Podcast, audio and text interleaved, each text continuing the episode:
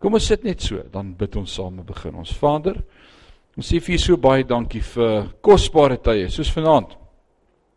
Voorreg om te kan stil word en heerlik te kan gemaklik sit, lekker koffie kuier en sommer net om U woord gesels vanaand. Ek wil bid dat U woord vanaand soos elke ander aand ons lewens sal verander, stukkie vir stukkie, vers vir vers.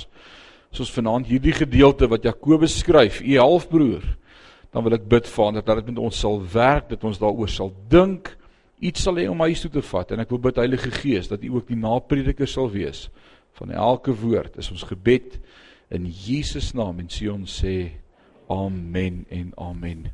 Die boek Jakobus. Maak oop saam met my by Jakobus. Ons het laasweek begin met Jakobus hoofstuk 1 en wat 'n wonderlike aand was dit nie gewees met Jakobus nie. Jakobus is die boekie in die Bybel, daar's nie baie hoofstukke nie en hy gaan ons sekerlik tot die einde van die jaar besig hou. Maar Jakobus is vol vleis, hy's vol inhoud. Jakobus het 'n manier om 'n ding reguit te sê sonder om doekies om te draai. Hy's reguit op die man af en hy worry nie hoe jy geafronteer voel daardeur nie. Laasweek het hy vir ons 'n paar dinge reguit ge-challenge en dit was great geweest. So wees gewaarsku dit mag 'n effense effek op jou hê want hy's blaatant eerlik. So ons gaan vanaand aangaan hoofstuk 1 vanaf vers 19 nadat ons laasweek gekyk het en gesien het wat geloof beteken, geloof wat 'n vaste vertroue is. Hebreërs 11:1 is dieselfde wat Jakobus ego as in vers 2, 3 en 4 die kern gesê het van Jakobus 1 wat sê Ag dit louter my vreugde my broeders wanneer julle in allerlei versoekinge val omdat julle weet dat die lydsaamheid van julle geloof tot volle verwerking moet kom sodat julle vers 4 sonder gebrek volmaak en niks tekort mag kom nie. Wat so daardie gedeelte gegaan oor hou vas. Hy skryf vir 'n groep Jode, sy hele uitkyk waar Paulus intedeel vir die heidene skryf met die uitsondering van die boek Hebreërs aan die Jode gerig. Kom Jakobus, hy is een van die vier wat in Jerusalem gestasioneer was. In sy uitkyk skryf hy skryf vir Christelike Jode wat oor die wêreld versprei is op daai stadium vervolg die Romeinse ryk die Jode. Nero maak hulle dood. Hulle word in potte kookolie gedoop, aan die brand gesteek as fakkels in tuine. Hulle word na die galg gelei, hulle word onthoof, hulle word gestenig, hulle word gekruisig. En dan skryf hy vir hulle in hulle vervolging en sê ag dit louter vreugde as jy vervolg word. En ons het laasweek in diepte daaroor gepraat. Hoe kan jy bly wees as daar 'n toets in jou deur klop? Ons bid so maklik, gaan weg. Vat net die toets weg. Laat dit net met my goed gaan. Paulus sê as hy toets, ag Jakobus sê as hy toets in jou deur klop, wees bly. Want God gaan iets daardeur laat gebeur in jou lewe. Hy wil jou nader aan hom trek. En later skryf hy ook in vers 8 en 9 en hy sê daar's 'n kroon wat jy eendag gaan ontvang vir die wat op God vertrou. Wie kan sê amen? Daar's 'n kroon. So hy het nie net hierdie prosperity theory en sê dit moet met jou goed gaan nie. Hy sê nee wat in daai slegte tye hou aan. Vers 19 dan vanaf vanaand. Hy sê so dan my geliefde broeders. Elke mens moet gou wees om te hoor, stadig om te praat, stadig om toornig te word. Dis 'n goeie preek op sy eie. Wat sê julle daarvan? Vir wie's daai preek vanaand? Sê amen. Moenie aan jou man stamp en sê hoor jy die pastoor praat met jou nie. Laat my dink aan die kleerling gesin wat hier heel voor in die kerk sit. En uh toe die pastoor so preek en hy sê jy wat jou vrou so slaan en dink niemand weet nie, net so tik sy aan hom en sê sê sien jy ek het vir jou gesê die Here gaan dit uitwys. So moenie die Here help en sê hoor jy nie, nie dis vir elkeen van ons. Dis vir elkeen van ons. So wat sê hy sê geliefde broeders, elke mens, elkeen van ons moet gou wees om te hoor. So dis 'n gebed wat ek kan bid, Here, maak my ore oop. Wie kan daarmee doen? Ons hoor allerlei goed behalwe wat ons moet hoor. Maak ons ore oop dat ons sal gou wees om te hoor. Maar hier kom die probleem. Stadig om te praat. En dan ook stadig om toornig te word. Hy sê dis die probleem. Is nie dat ons nie hoor nie, ons hoor nie reg nie. En dan praat ons te vinnig en terwyl ons vinnig praat, raak ons kwaad. Is jy moeg? O. Alraai, so hy sê ons moet stadig wees om te praat en stadig om toornig te word. Nou dis belangrik dat ons altyd die vloei van die teks sal kry. Ek is nogal fanaties oor die vloei van die teks, die perakoop waarmee ons besig is of daardie gedeelte om die konteks daarvan te verstaan. Wat beteken die ritme van die teks? Hy hy hy begin neer te sê God is goed. Wees bly as jy vervolg word, van die einde daarvan bewerk goed in jou lewe. God is 'n goeie God. Moenie eers twyfel in God nie, want 'n mens wat twyfel sal onbestendig wees, wees in al sy weë, soos 'n golf wat voortgesleep word van die see en hy sal in al sy dinge sal hy niks sal uitwerk vir hom nie. Moenie twyfel nie. Dit staan vas. God is goed. Sê saam met my God is goed. En dis die hart van die eerste paar verse. Hy sê God is 'n goeie God. Hy's altyd God. Maak nie saak of jy ryk en of jy arm is nie. God is met jou in elke toets. Dis die ritme van hierdie teks en hy sê daarom kan jy bly wees in die toets. Hy het begin hier te sê wees bly, maar toe verduidelik hy God is 'n goeie God. God is met elkeen. Hy sê nie eers of jy ryk of arm is nie. Daar's een ding wat vir ons almal dieselfde is. Ons gaan hemel toe. Wie kan sê amen daarvoor? As jy die ryk ou gaan hemel toe, die arm ou gaan hemel toe. Hou op stres. Jy gaan hemel toe.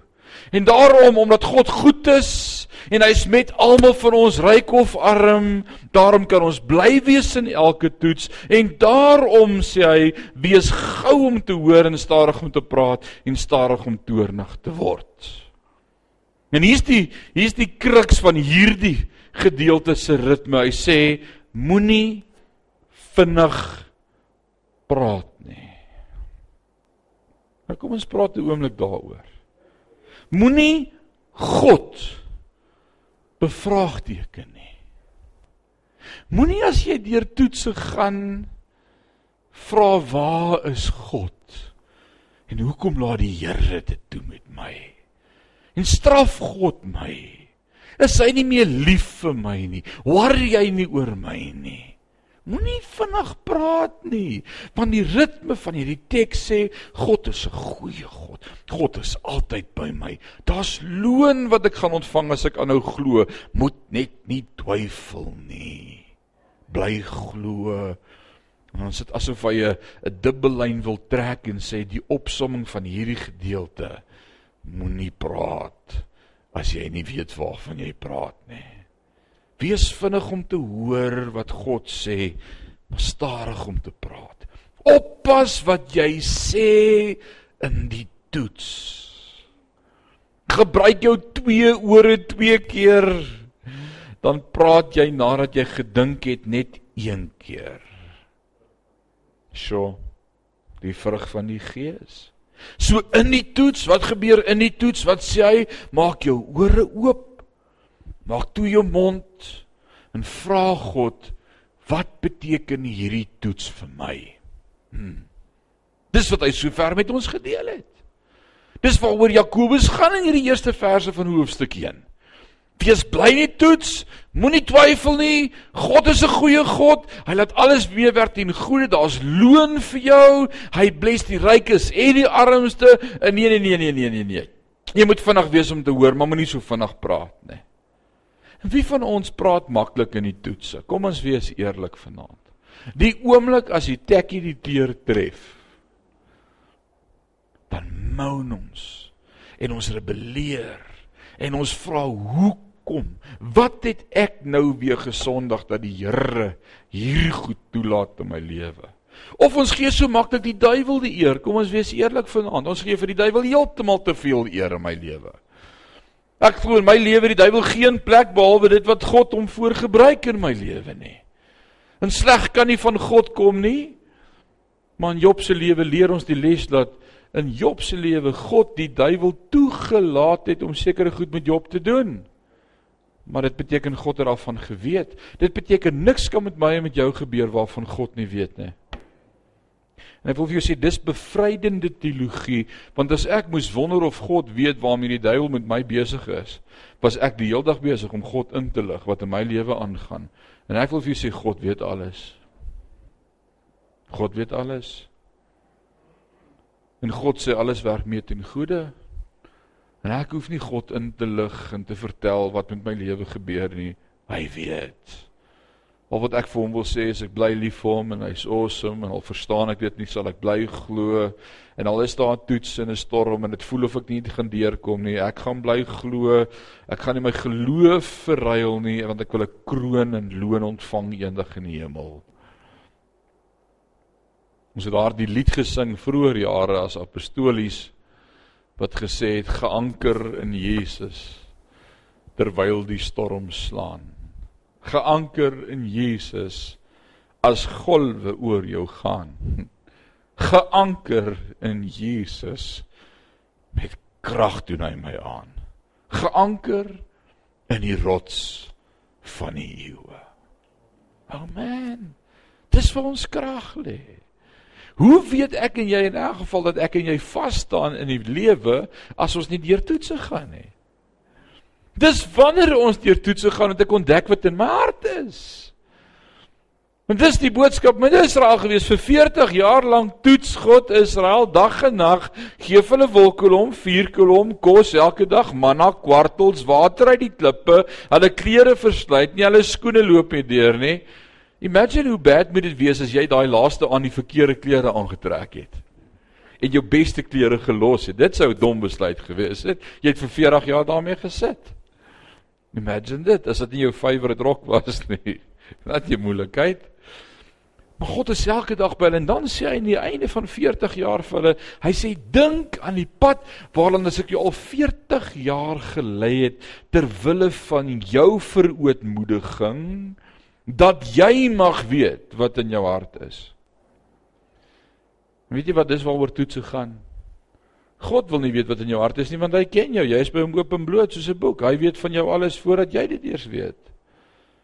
Maar hy sê as jy deur toetse gaan, dan is 'n toets daar om jou te help sodat jy agterkom wat's in jou hart. Of jy regtig glo en of jy nie regtig glo nie. Toetse help my om agter te kom wat's regtig in my hart. Wat's my motiewe? Wat's my intensies? Dan kom hy in vers 20. Hy sê want die toren van 'n man bewerk nie geregtigheid voor God nie. Daar's geen geregtigheid by God vir 'n ou wat van sy handels afvlieg nie, wat kwaad word en sy meer verloor en woorde het en dinge sê. Jy impres God nie daarbey nie. Jy beïndruk God nie. Selfbeheersing. En daarom sê hy weer die tweede vers wat dit herhaal en eintlik sê hy een ding, moenie praat as jy kwaad is nie. Wie kon al in die lewe daai les geleer het? Moenie praat as jy kwaad is nie. OK, kom ons doen 'n uitnodiging. Wie het vanaand nodig om te sê Here, help my dat ek daai les sal leer? Kom aan, steek op jou hand. Bly stil as jy kwaad is. Moenie praat nie. Moenie as jy deur die pothol geskry het en jou rim afgeskryf het, alles vertel wat jy vir kwaad gaan sê nie. Moenie bly stil. Dis nie goeie taal wat by jou mond uitkom nie. Stop dit. Moenie as jy en jou vrou in 'n verskil is, praat nie. Los dit. Los dit. Woede is nie van die Here nie. En daarom sê hy dis selfbeheersing. Daarom En hoor nou in hierdie konteks en die ritme van die teks, wat praat oor God is altyd in beheer, moenie God bevraagteken nie, moenie praat as jy kwaad is nie. Met ander woorde, jy kan selfs kwaad raak in die toets. Vir die toets, maar moenie vir God kwaad raak nie. Moenie praat as jy kwaad is nie. Moenie straf uitdeel nie. Moenie jou vinger wys nie, moenie vra vra nie. Hy sê daarom, doen afstand van alle vuilheid en oorvloed van boosheid en ontvang met sagmoedigheid die ingeplante woord wat in staat is om julle siele te red en word daders van die woord en nie net hoorders wat hulle self bedrieg nie want as iemand 'n hoorder van die woord is en nie 'n dader nie die is soos 'n man wat sy natuurlike gesig in 'n spieël sien. Want hy sien homself en gaan weg en vergeet dadelik hoe hy lyk. Maar hy wat diep insien in die volmaakte wet van die vryheid en daarby bly hy sal omdat hy nie vergeetagtige hoorder is nie maar 'n dader van die werke gelukkig wees in wat hy doen wie van julle wil almal gelukkig wees in wat julle doen Kom aan, ek wil gelukkig wees in wat ek doen. Ek dink ons almal wil gelukkig wees in wat ek doen. So wanneer ek en jy in moeilike tye is en moeilikheid is, sê die vorige vers, bly stil. Vra God vir wysheid. Jakobus 1 vers 5 want hy wat wysheid kort kom moet dit van God bid wat eenvoudig en elkeen gee sonder om te verwyd. Dis wat vers 5 sê. So vra vir wysheid en luister na hom vir rigting luister na die woord. Hoe praat God met my en met jou? Deur die woord. Met ander woorde jy bid vir wysheid. Luister dan wat God vir jou sê Moenie as jy die toets kom bid vir wysheid en nie hoor wat die woord sê nie. Moenie begin praat en nie seker wees as God wat met jou praat nie. Maak seker God praat met jou. En wie van ons kan vanaand sê as jy vir God vra, praat hy met jou? Hy praat met jou. Hy praat met jou. So as jy bly stil, vra God vir wysheid, luister na hom vir rigting. Luister na die woord. En dan kom vers 1 tot 25 en hy praat juis daaroor en dalk sê jy vanaand vir my maar ek hoor niks. Moenie sê steek jou hand op nie, maar hier's ouens vanaand wat sê ek hoor niks. Ek hoor nie die woord nie. Ek weet nie hoe hoor ons God praat met jou nie. As jy sê God praat met jou, weet ek nie hoe hoor jy God praat nie. Hoor jy sy stem? Praat in jou hart? Praat hy met die wind? Praat hy deur iemand? Ek weet nie hoe God praat nie vers 21 sê daarom doen afstand van alle vuilheid en oorvloed van boosheid en ontvang met sy sagmoedigheid die ingeplante woord wat in staat is om julle siele te red. As jy vanaand vir my sê ek hoor nie God se stem nie, wil ek vir jou sê deel eers met sonde in jou lewe. Jakobus, he doesn't beat around the bush. Hy sê dit soos dit is. En hy sê moenie begin vra vra, moenie God bevraagteken nie. Kyk na jou eie lewe, maak seker jy het nie sonde nie. Maar as jy heilige pad met God stap, gaan hy met jou praat. Hy wil met jou praat. God se begeerte is om met jou te praat. Ons is besig met ons oggenddienste met 'n reeks oor beleef God se teenwoordigheid. God wil met jou praat. So hoekom hoor ons God se stem nie? Wat gebeur in ons lewe? Hoekom hoor ons God se stem nie? Die vraag is wat gaan jou red in die versoeking, in die toets, die ingeplante woord van God. So ek wil vanaand sê dalk is daar drie redes hoekom jy God se stem nie hoor nie. Sommige net op hierdie punt, ek wil sommer net opsom drie redes. Ek wil sê dalk is jou ore toegestop met sonde. Ek sê dalk, ek sê nie dis nie. Ek sê dis een van drie redes. Dalk is jou ore toegestop met sonde. Dan gaan ek en jy nie kan hoor doen afstand van die sonde. Met ander woorde lê dit af. Die ander woord vir lê af is hou begrafnis. Wie van julle was nog nooit by 'n begrafnis nie, dat ek jou aan sien? Awesome. Ons was al almal by begrafnisse. En hoe begrawe 'n mens iemand? Jy gooi die dooie dinge toe. Begrawe. Begrawe dit. En dis een van die redes hoe dis een van die maniere hoe ek en jy moet deel met sonde is begrawe dit dan kan ek eers ontvang van God. Nou sê gou vir my in ons lewe, hoe hou ons begrafnis van sonde? Dan ja? Die doop. Die doop. Hoe doen ek en daar's daar's die begrafnis. Daar's die begrafplaas. En om te dink ons gemeente sal hierdie kerkgebou sal in die 60 jaar oud. Ek wonder hoeveel honderde ouens is al in daai dood wat begrawe. Is dit nie amazing nie? Begrawe. Wie van julle kan vanaand sê ek is al begrawe? Steek gou jou hand so oomblik op. Jy weet waarvan ek praat, die doop. En dis wat die doop beteken, Romeine 6 dat ek aan Christus gelyk word. Hy het vir my gesterf aan die kruis. Ek aanvaar die prys wat hy vir my betaal het. Ek word saam met hom begrawe en ek staan saam met hom op en dan kan ek bely soos wat Paulus sê, ek leef nie meer nie, maar hy leef binne in my. Hy sê alle dinge het nuut geword. Kyk, die ou dinge het verbygegaan. En as jy nog nie begrawe is nie, kan jy nie dit saam met ons sê nie. Dan sê jy, maar ek is gedoop as baba. Nee, jy's nie. Die doop is die belydenis van my sonde. Dan nou ons begrafnis van jou sonde. En dan eers staan ek op as gelowige en sê ek leef nie meer nie. Christus leef in my. Kom seef. Hoe oud was jy toe jy gesê dis tyd vir begrafnis? 2 jaar terug. Mens sê hoe oud is jy nie, maar ek dink jy was amper 70.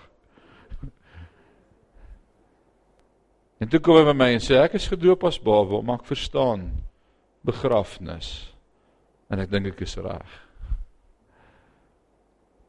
Ek kan die dag in my lewe onthou wat ek vir my pa gesê het, ek dink ek is reg vir begrafnis. Dan moet 'n sonde besef wees. Jy moet verstaan wat Christus vir jou gedoen het aan die kruis. Jy moet God bely. En dan sê hy hier's die water wat verinner ons. En dis doop. En ek preek nie vanaand doop nie, ek sê net wat Jakobus skryf. En een van die redes hoe ek en jy of een van die maniere hoe ek en jy moet deel met sonde, is om te sê maar ek leef nie meer nie, ek's dood. Wikus Hoeveel jare het Wikus gelewe? 40 jaar geglo hy's reg totdat die Heilige Gees hom oortuig het dis tyd vir begrafnis. It's amazing. Ek oortuig nie van die doop nie, die woord en die Gees ontuig van woord van die doop.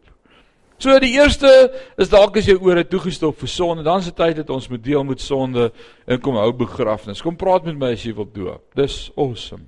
Die tweede rede hoekom ons dalk vanaand sê maar ek hoor God nie.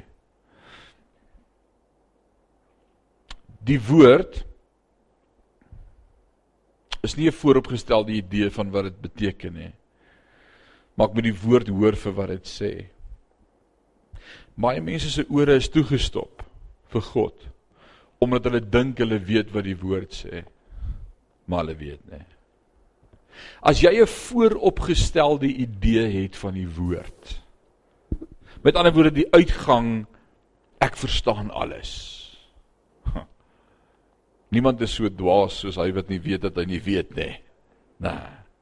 Maar wanneer ek met die woord sit en sê Here, maak dit vir my oop, breek dit vir my oop, vertel vir my wat daar staan. Ek is honger vir die woord, dan praat God met my. Maar as ek dink ek weet wat daar staan, dan beteken dit ek gaan nie eers Bybel lees nie want ek weet mos wat daar staan. Hoeveel ouens dink hulle weet wat in die Bybel staan? In ons tyd is daar baie teoloë wat dink hulle verstaan alles wat in die Bybel staan. Ek ontdek elke dag nuwe goed in die Bybel. Die derde manier of die derde rede hoekom ons dalk God se stem nie hoor nie. Is ons is deur mekaar. En as ek sê deur mekaar wil ek dit definieer. Ek dink deurdat ek die woord hoor beteken dieselfde as wanneer ek die woord doen. En dit maak my deur mekaar. Met ander woorde, die gevaar is altyd daar. Ek is by woordskool, ek spandeer elke week tyd met die woord, ek hoor die woord, ek stem saam met die woord. Dit beteken mos ek doen dit. Nee. Die woord sê, dis nie elkeen wat vir my sal sê Here, Here wat sal ingaan nie, maar elkeen wat die woord doen. Ouens, die gevaar van om elke week by woordskool te sit en gebless te word deur die woord is dat jy dink ek is okay. Begin die woord doen. Dis waar die tekkie die deur tref. En as jy nie die woord doen nie. Jy kan vir ure na die Bybel luister. Jy kan elke aand aan die slaap raak met die Bybel in jou ore. Dit beteken nie jy leef die Bybel nie. Doen wat God se woord sê. Iemand het eendag met my kom praat en gesê pastoor, die Here praat nie met my nie. En my woord aan hom was: gaan doen wat God laaste vir jou gesê het en hy sal weer met jou praat. Toe kyk hy my so en sê, oh, "7 jaar terug het die Here vir my dit en dit gesê en ek het dit nog nie gedoen nie." Toe sê ek, "Totdat jy dit nie doen nie, die Here niks om weer vir jou te sê nie." Hoeveel keer moet hy vir jou sê om iets te doen? Gaan doen dit. So dalk sê jy vanaand en jy sê, "Maar ek ek hoor nie die gaan doen wat die Here vir jou gesê het om te doen." Wees gehoorsaam. Doen dit, wees 'n dader van die woord. Jakobus sê in vers 23 want as iemand 'n hoorder van die woord is en nie 'n dader nie, die is soos 'n man wat sy natuurlike gesig in 'n spieël sien. Want hy sien homself en gaan weg en vergeet dadelik hoe hy lyk. En dis wat dit beteken om net 'n hoorder te wees. Jy hoor Sondag aand hier by woordskool, hoe moet jy lyk? Wat moet jy doen? En jy stap daar uit en maak die Bybel toe en vergeet daarvan. Jy moet dit doen. En dis hoekom ons elke week vir mekaar sê, hoe gaan ons dit toepas in ons lewe? Wat sê die Heilige Gees vir ons? Wat moet in my lewe gebeur? Wat moet verander? Hoe moet ek lyk? Wat wil God met my doen? Ek kan nie so bly nie. Ek moet verander. Sê vers 26 as Jakobus skryf, hy sê as iemand onder julle meen dat hy godsdienstig is en sy tong nie in toom hou nie, maar sy hart mislei, die godsvrug van hierdie man is te vergeefs. So hy hoor die woord en hy doen nie die woord nie en dan kan hy nog nie sy tong stil hou nie. So hou van praat. Jakobus klink dit vir my is die ou wat die hele tyd sê bly net stil. Kan jy dit hoor tussen die lyne? Hy, hy nee nee nee, moenie nee nee, moenie praat nie. Hoor net. Laat toe dat die Heilige Gees jou verander. So, ons kan dan sê as iemand sy tong se tong los is, die godsdiens van hierdie man is te vergeefs. So ons met die Here vanaand bid en sê help ons om nie so vinnig te praat nie. Help ons om stil te bly. Wow.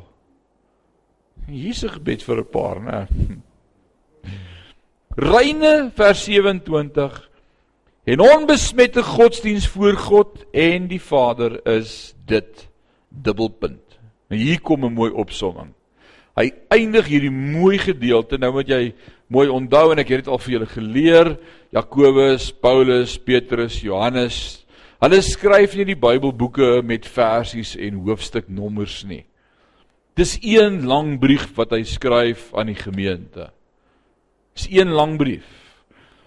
So ons as Bybelvertalers of teoloë gaan kyk na die teks en om jou en my te help om te gelykheid op dieselfde plek te begin lees het ons het ons vers nommertjies ingesit en as dit klink asof 'n gedeelte afgehandel is asof hy begin praat oor iets anders het ons gesê maar kom ons sit hier hoofstuk 2 in want hier verander hy nou van ratte hoofstuk 1 het gegaan oor dit hoofstuk 2 dit hoor hoe som die Bybelvertalers hulle dink hierdie is die laaste vers van hoofstuk 1 maar hier is 'n klimaks hoor wat sê hy hy sê wil jy weet wat is reine en onbesmette godsdiens voor God wil jy weet hoe moet 'n ou lyk like? Nou dit klink amper soos wat Paulus gedoen het in Romeine 12 vers 1. Want in Romeine 12 vers 1 kom hy en dan sê hy dit is julle godsdiens. Redelike godsdiens. Dis dis die woord wat hy gebruik. Dat julle wat sal wees? Nie in hierdie wêreld gelykvormig sal word nie, maar nee, dat julle julle liggame sal stel as lewende, heilige en welgevallige offers. Dis julle redelike godsdiens. Gee jouself as 'n lewendige offer voor God. Dis jou godsdiens. Hoor wat sê Jakobus? Reine en onbesmette godsdiens voor God die Vader is dit om wese en weduwees in hulle verdrukking te besoek en jouself vlekkeloos te bewaar van die wêreld. Wow. Nou om wese en weduwees in hulle verdrukking te besoek is niks anders as om God se hart van liefde vir ander mense te wys nê. Demonstratief. Demonstreer God se hart. God het mense lief. En dis wat ons moet doen. So hier sê hy, wat is jou redelike godsdiens? Hoe lyk godsdiens? Besoek die wese en die weduwees in hulle verdrukking en om jouself vlekkeloos te bewaar van die wêreld. Moenie lyk soos die wêreld nie. Romeine 12:2 en word nie aan hierdie wêreld gelykvormig nie, maar word vernuwe deur die denke, deur julle gemoed, deur die manier hoe jy dink. Word anders as die wêreld. Reinheid en empatie. 'n Kort opsomming van enige ware godsdiens. Is dit nie pragtig nie? ook vir elke jong persoon. Wees met empatie en wees rein. Nou kom ons kyk hoe ver kom ons met Jakobus 2 vanaand. Dan gaan ons aan, want daar's nog tyd. My broeders, laat julle geloof in ons Here Jesus Christus, die Here van die heerlikheid, nie wees met aanneming van die persoon nie. Want as daar in julle vergaderinge man inkom met goue ringe aan die vingers en 'n pragtige kleed aan en daar kom ook 'n arm man in met vuil klere aan en as jy hulle opsien na hom wat die pragtige kleed dra en vir hom sê gaan u op hierdie goeie plek sit en vir die arme sê gaan staan jy daar of hier onder die voetbank sit het julle dan nie by julleself onderskeid gemaak en regters met verkeerde oorlegging geword nê? Luister my geliefde broeders.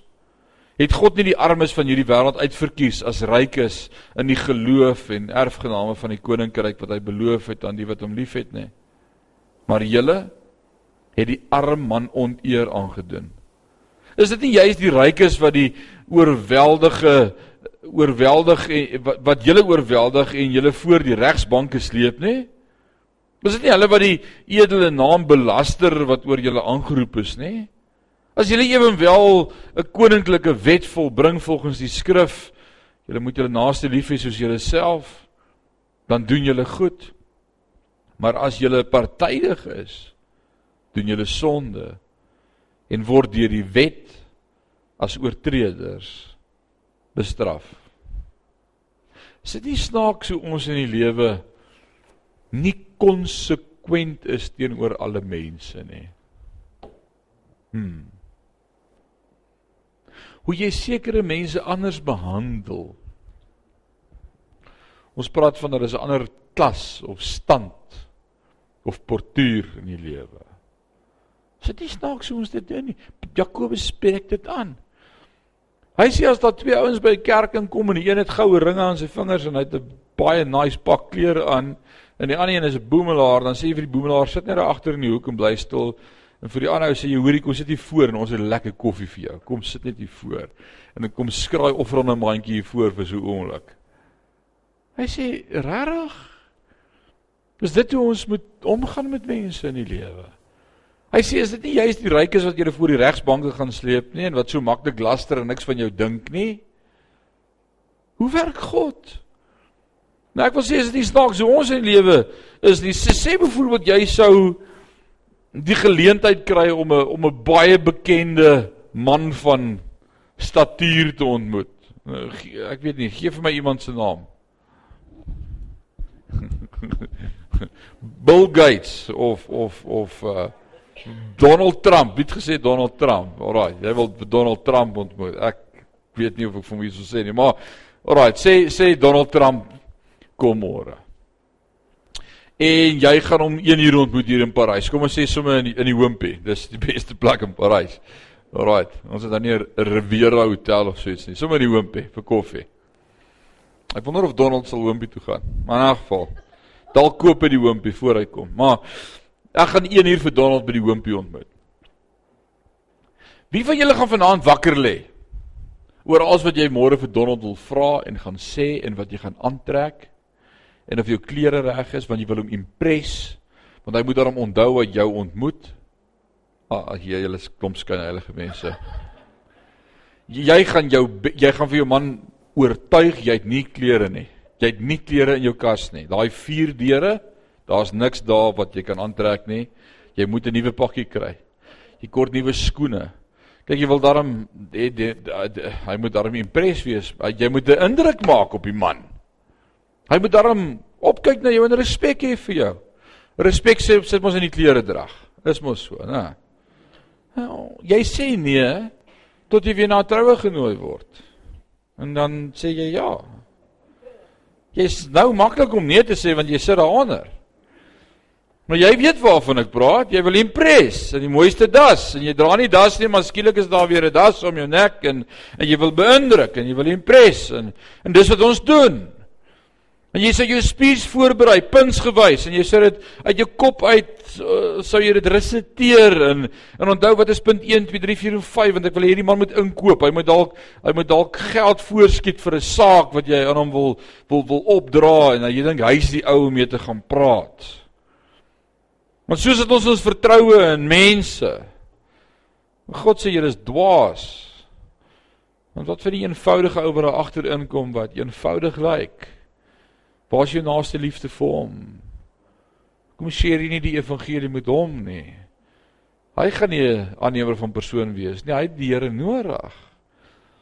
As jy in jou buurt bly en jy begin dink aan ouens met wie jy moet connect in jou straat. Jy's like ek moet my straat vir die Here wen. Hoekom begin ek met die met die ou drie huise van my af met die met die dubbelverdieping huis. So ek moet eers by hom uitkom. En die ou langs jou in die pandok wat nie sy huis kan verf nie wat sy honde elke aand jou wakker blaf. Kom deur ons die evangelie met hom nie. Dis dis wat Jakobus vir ons vra. Wat van hom? Ons is daarom heeltemal nie lekker nie. Sal ek 'n speech voorberei as ek môre oggend 10:00 afspraak het met 'n boemelaar? Gaan ek wonder oor wat gaan ek aantrek? Wat gaan ek vir hom sê? Watter woorde, wat watter teks gaan ek kies om met hom te Ek gaan nie worry nie. Wie sê hy? Jakobus sê julle dit mis. Julle is aannemers van persone. Julle dit verkeerd. Ons kinders, hoe hoeveel keer probeer hulle nie juis om daardie kind by die skool om wie almal vef en met die beursie van sy pa by die skool of die kredietkaart, almal wil hom impress en almal wil sy pel wees. Ek mag dit sê en ek gaan dit sê en ek het dit nooit gesê nie. Dewald kom hierdie week by die huis. Dis my jongste, hy het nou net 11 geword. Graad 4. En vandat ek by die deur instap, brabbel hy, maar hy's besig om iets te vertel, maar Hoeveel keer luister ons regtig wat vir ons vertel word? Dis tog net my kind. Maar iewers langs die pad daar by die eetkamertafel toe so omstap, begin ek luister. Hierdie kind praat passionate. Hy hy het 'n passie nou vir iets. Daar's 'n nuwe maatjie in sy skool. En hierdie maatjie se oom rig die All Blacks af. En hierdie maatjie het gesê hy gaan vir nog 3 maatjies Desember na die All Blacks toe vat. En hy gaan 'n balskool toe bring wat deur die All Blacks se afrigter geteken is. En almal wil nou hierdie ou se maatjie wees. En hy's vandag sy tweede beste maatjie. En, en ek luister. En ek gaan sit en ek sit hom op my skoot en ek sê vir hom seun Rarig, hy sê pappa, daai ouetjie het beloof, rarig. Dis soos rarig. En almal wil sy maatjie wees. En ek sê maar wat van die ouetjie wat in die hoek gesit het van die speelgronde wat nie broodjies gehad het nie. Nee, wie wil nou sy maatjie wees? Jy sien ek is besig met hierdie teks, so ek is besig om oor die goed te dink en in my eie kind se optrede beleef ek. Hmm, ons is almal so. Ons is almal so. As ek in my kar sou sit en Wie kan ons sê wat in Parys is wat almal ken? Ek wil nou nie. Alraai, ek ek, ek sit in my kar en ek het net ingeklim en nie kom Sal die jaar of of Tony Shardim van die van die Spur of of een van die ouens wat ons ken uitgestap by my kar verby en hy klop aan my venster. Gaan ek vir hom sê, "Gaan weg." OK, dis 'n preek op sy eie. Maar jy het die preek. Jy het die preek. Nie tyd vir jou nie. Nee, ek gaan ewe verleer die venster baie vinnig oopdraai en sê hallo, hallo, yes, wie met my praat.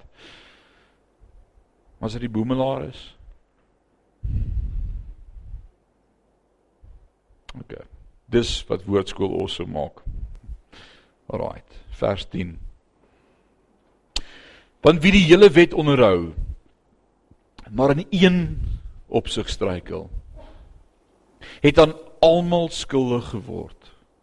Want hy wat gesê het jy mag nie egbreek nie, het ook gesê jy mag nie doodslaan nie. As jy nou nie egbreek nie, maar doodslaan, het jy oortreder van die wet geword. Kom ons vra net weer vir mekaar waaroor gaan die wet? Waaroor gaan die wet? Hy sê in hierdie gedeelte, dit gaan nie oor die mense se uiterlike nie. Dit gaan nie oor die mense se klere en goue ringe of armklere wat hulle aan het nie. Dit gaan oor binne. Dit gaan oor die hart. Of jy ou nou doodslaan of jy egbreek, En as ons daaroor wil praat, dan gaan ons terug na die bergpredikasie toe Matteus 5, 6 en 7. Ek noem dit die koninkrykskonstitusie. Jesus kondig sy nuwe koninkrykse konstitusie aan en hy sê, "Hoe gaan dit lyk op aarde?" En dan sê hy, "Jy sê jy het nog nooit eg gebreek nie." Ek sê vir jou as jy net na 'n ander vrou kyk met 'n begeerte in jou hart, het jy eg gebreek. Jy sê jy het nog dood doodgeslaan nie. Mm. As jy net jou broer onnodig haat of kwaad is vir hom sonder rede, sê ek vir jou, dis so goed soos moord. En wat doen God daardeur? Wat kom doen hy? Hy kom maak ons almal ewe skielik gelyk en ewe skuldig. En hy sê daar's nie groot sondes en klein sondes nie. Jy wat dink jy's alright? Jy's nie alright nie. Wat was die doel van die wet? Wat is die doel van die bergpredikasie? Wat is die doel van hoekom Christus die wet gebring het om vir almal van ons een ding te sê? Jy's nie alraai nie. Jy het die Here nodig. Almal het sonde. Jy dink is net die ou wat doodslaan. Jy dink is net Oscar Pretorius. Hy's 'n groot sondaar. Regtig? Ek en jy moes langs Oscar gesit het. Ons is ewe skuldig. Voor God is ons almal ewe skuldig. Maar dan praat hy oor God se genade. So hy sê ons is almal ewe skuldig. Hy sê hou op kyk na die uiterlike, die innerlike. Almal van ons ontbreek in die innerlike. Vers 12 sê julle moet so spreek en so doen soos diegene wat deur die wet van vryheid geoordeel sal word. Sê saam met my vryheid. Nie die wet wat doodmaak nie. Nie die wet wat verdoem en wat hel toe stuur nie, maar soos die wet van vryheid, want die oordeel sal onbarmhartig wees oor die wat geen barmhartigheid bewys het nie en die barmhartigheid roem teen die oordeel. So in die lig hiervan onthou vir wie skryf hy? Hy skryf vir Jode wat Christus aangeneem het wat verstrooid is oor die uithoeke van die aarde, wat vervolging beleef, wat deur moeilike tye gaan en wat sê hy vir hulle: "Oppas dat jy nie in jou moeilike tye mense uiterlik evalueer en soosdoende bes, verkeerde besluite maak nie, want God kyk na die hart."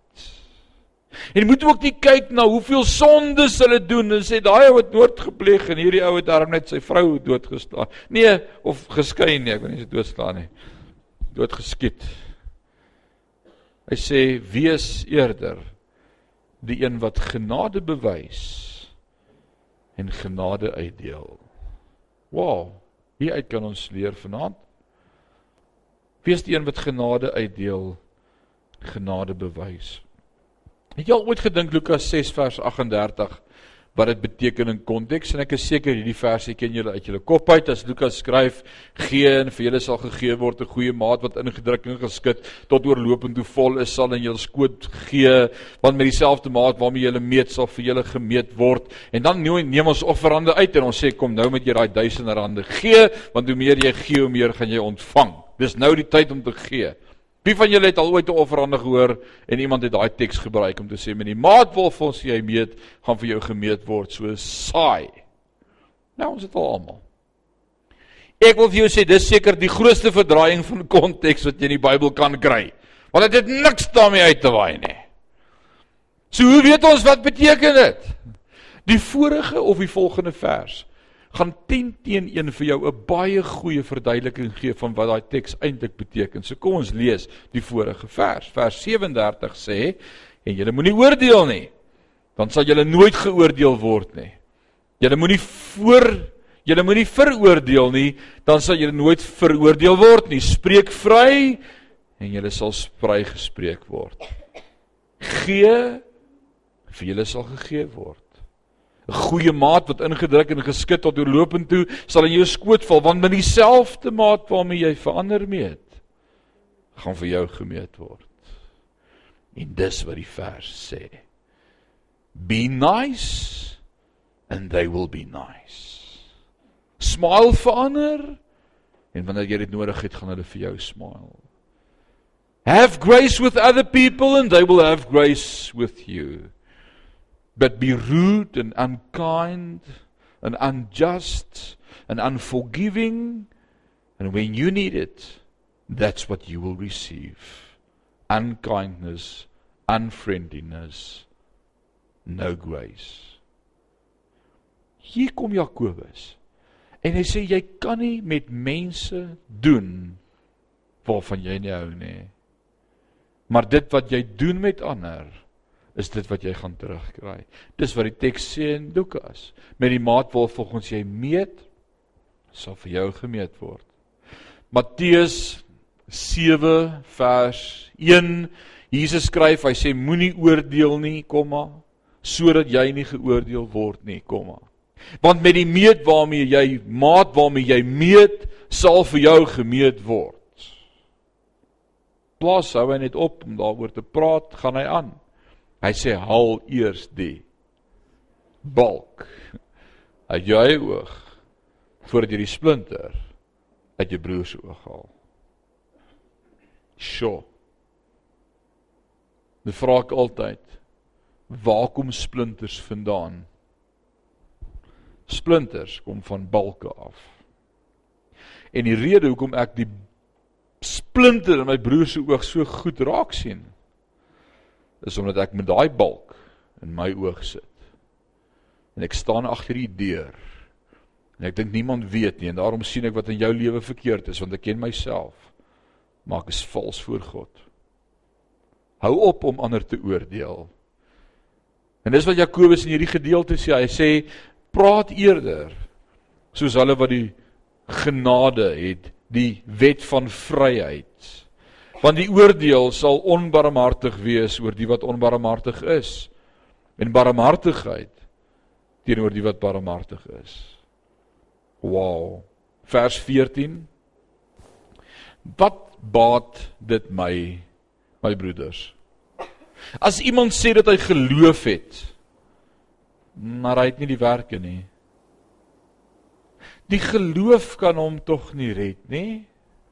Tog nou hier kom nou 'n stuk styk, hou vas. Ek hoop jy het jou skerp mes saamgebring vanaand. Ons gaan met hierdie stuk styk klaar maak. As jy die geloof kan hom tog nie red nie. As daar nou 'n broeder of suster naak is en aan die daaglikse voedsel gebrek het, en een uit julle sou vir hom sê: "Gaan in vrede, word warm, word versadig." Maar julle gee nie wat vir die liggaam nodig is nie. Wat baat dit? Net soos ook die geloof as daar geen werke is nie in sigself dood. Maar iemand sal sê jy die geloof en ek die werke. Toon my jou geloof uit jou werke. En ek sal jou uit my werke my geloof toon. Jy glo dat God een is. En jy doen goed. Maar die duiwels glo dit ook en hulle sidder.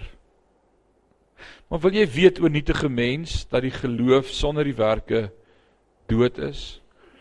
Was Abraham ons vader nie uit die werke geregverdig toe hy Isak sy seun op die altaar geoffer het nie?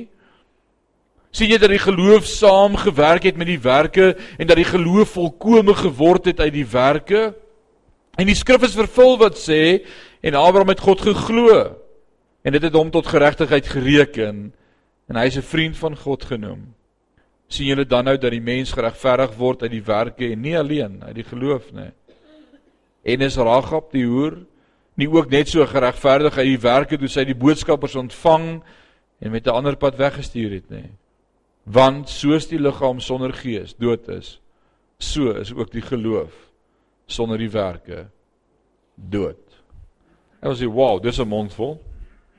Kom ons kyk of ons hierdie gekou kan kry. Ek hier's 'n paar seënings in hierdie stuk styk. Want dit gaan oor genade teenoor werke. En hierdie spesifieke gedeelte het al soveel moeilikheid deur die eeue ver, eh, veroorsaak vir die kerk. In die afgelope 2000 jaar.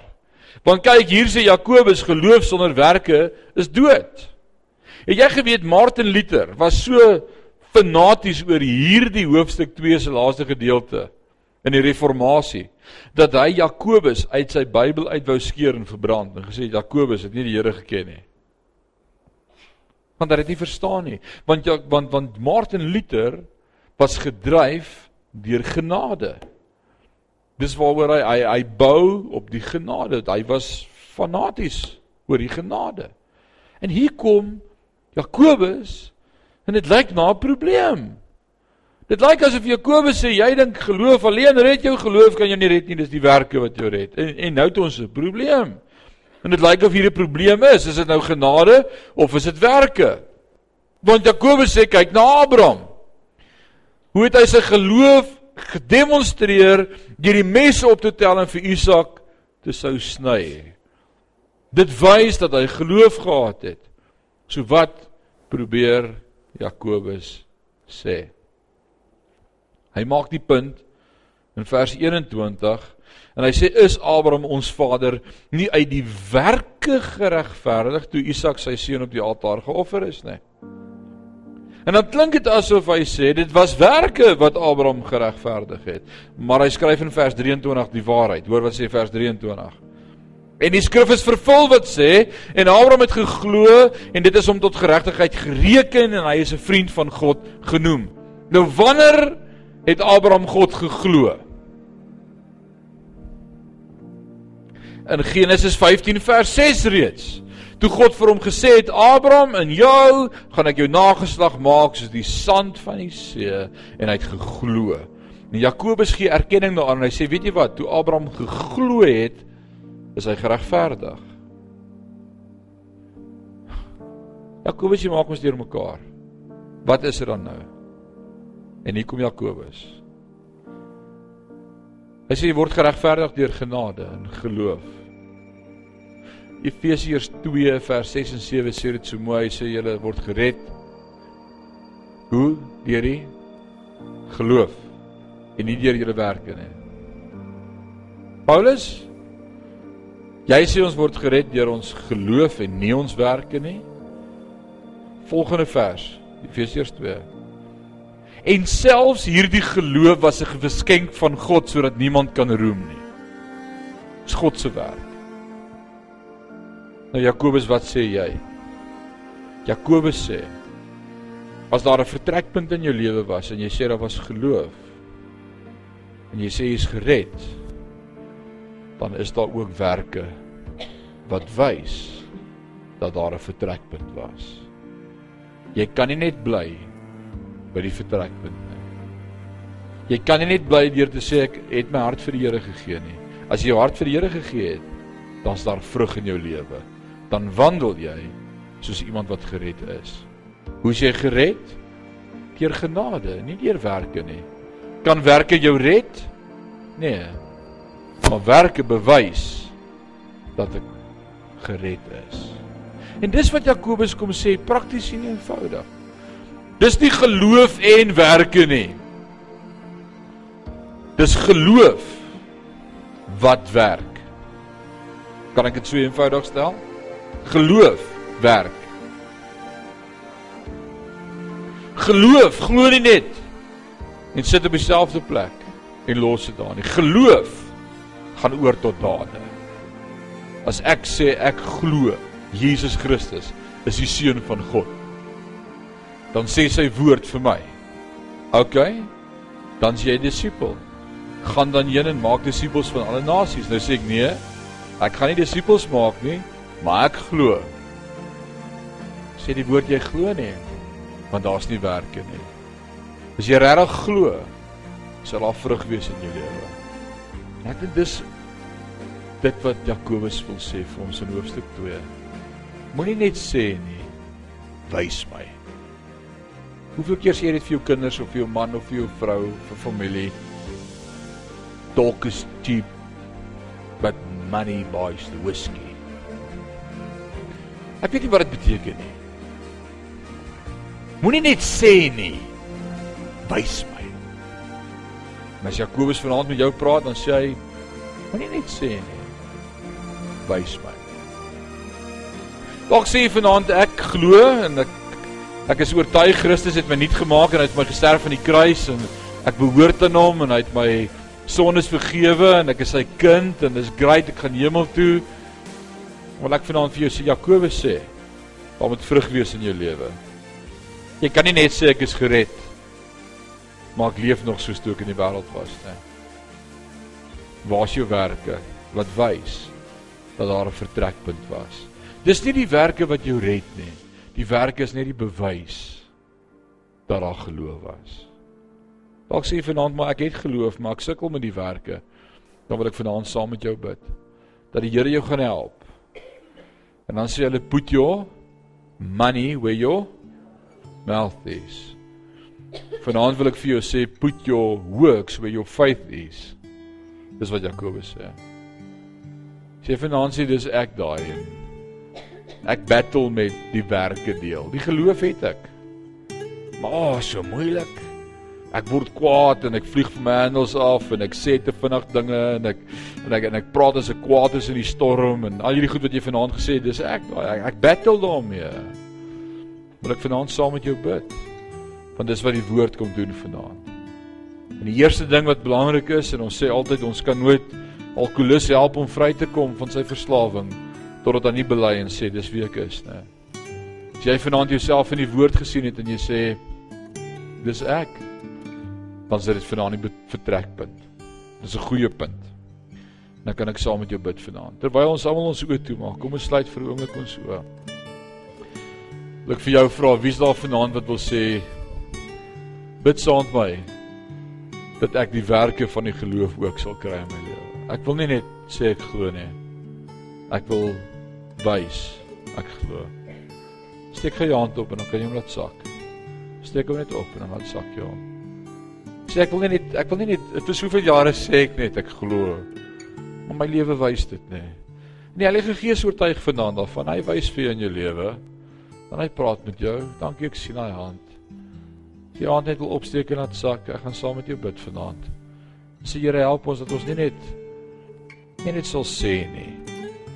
Ons Suid-Afrika het baie ouens wat sê.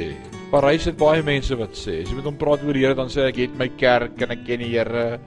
Lees Bybel. Maar daar's nie werke nie. Mag die Here ons help dat ons anders sal lyk as die wêreld. Ewige God en Hemelse Vader. Dankie vir Jakobus. Dankie vir sy boldness en sy eerlikheid waarmee hy hierdie gedeelte skryf vir elkeen van ons en sê moenie net sê nie. Wys.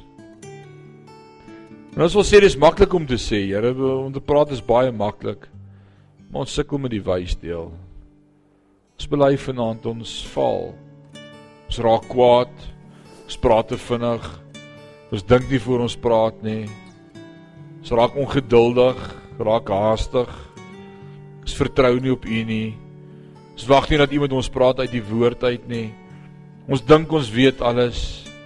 Ons het nie geduld nie. Die vrug van die Gees kort in ons lewe. Nou sê ons glo. Maar daar's nie werke wat dit wys nie. Ek wil bid Vader dat U deur die Heilige Gees vanaand met elkeen van ons sal praat. Vir elke hand wat vanaand opgegaan het, wil ek bid. Help ons om vrug te dra in ons lewe. Help ons vanaand om te identifiseer waar daar iets kort in ons lewe. Heilige Gees van God, verander ons. Dis hoekom ons hier is. Dis hoekom ons in U woord is om te sê help ons om te verander. Help ons om 'n nuwe manier van dink te kry. Paulus skryf in Romeine 12:2 en hy sê word nie gelykvormig aan hierdie wêreld nie, maar word verander deur julle verstand, deur julle gemoed. En vanaand wil ons 'n besluit neem om te sê ons draai om. Ons draai 180 grade om. Ons maak 'n u draai vanaand en ons sê ons gaan anders begin oor dink oor die lewe. Ons gaan begin daders wees. Nie net hoorders nie, maar daders.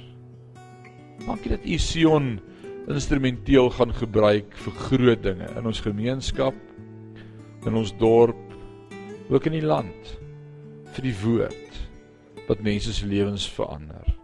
Begin by ons. Is ons gebed in Jesus naam en ons sê vir U dankie daarvoor. Amen.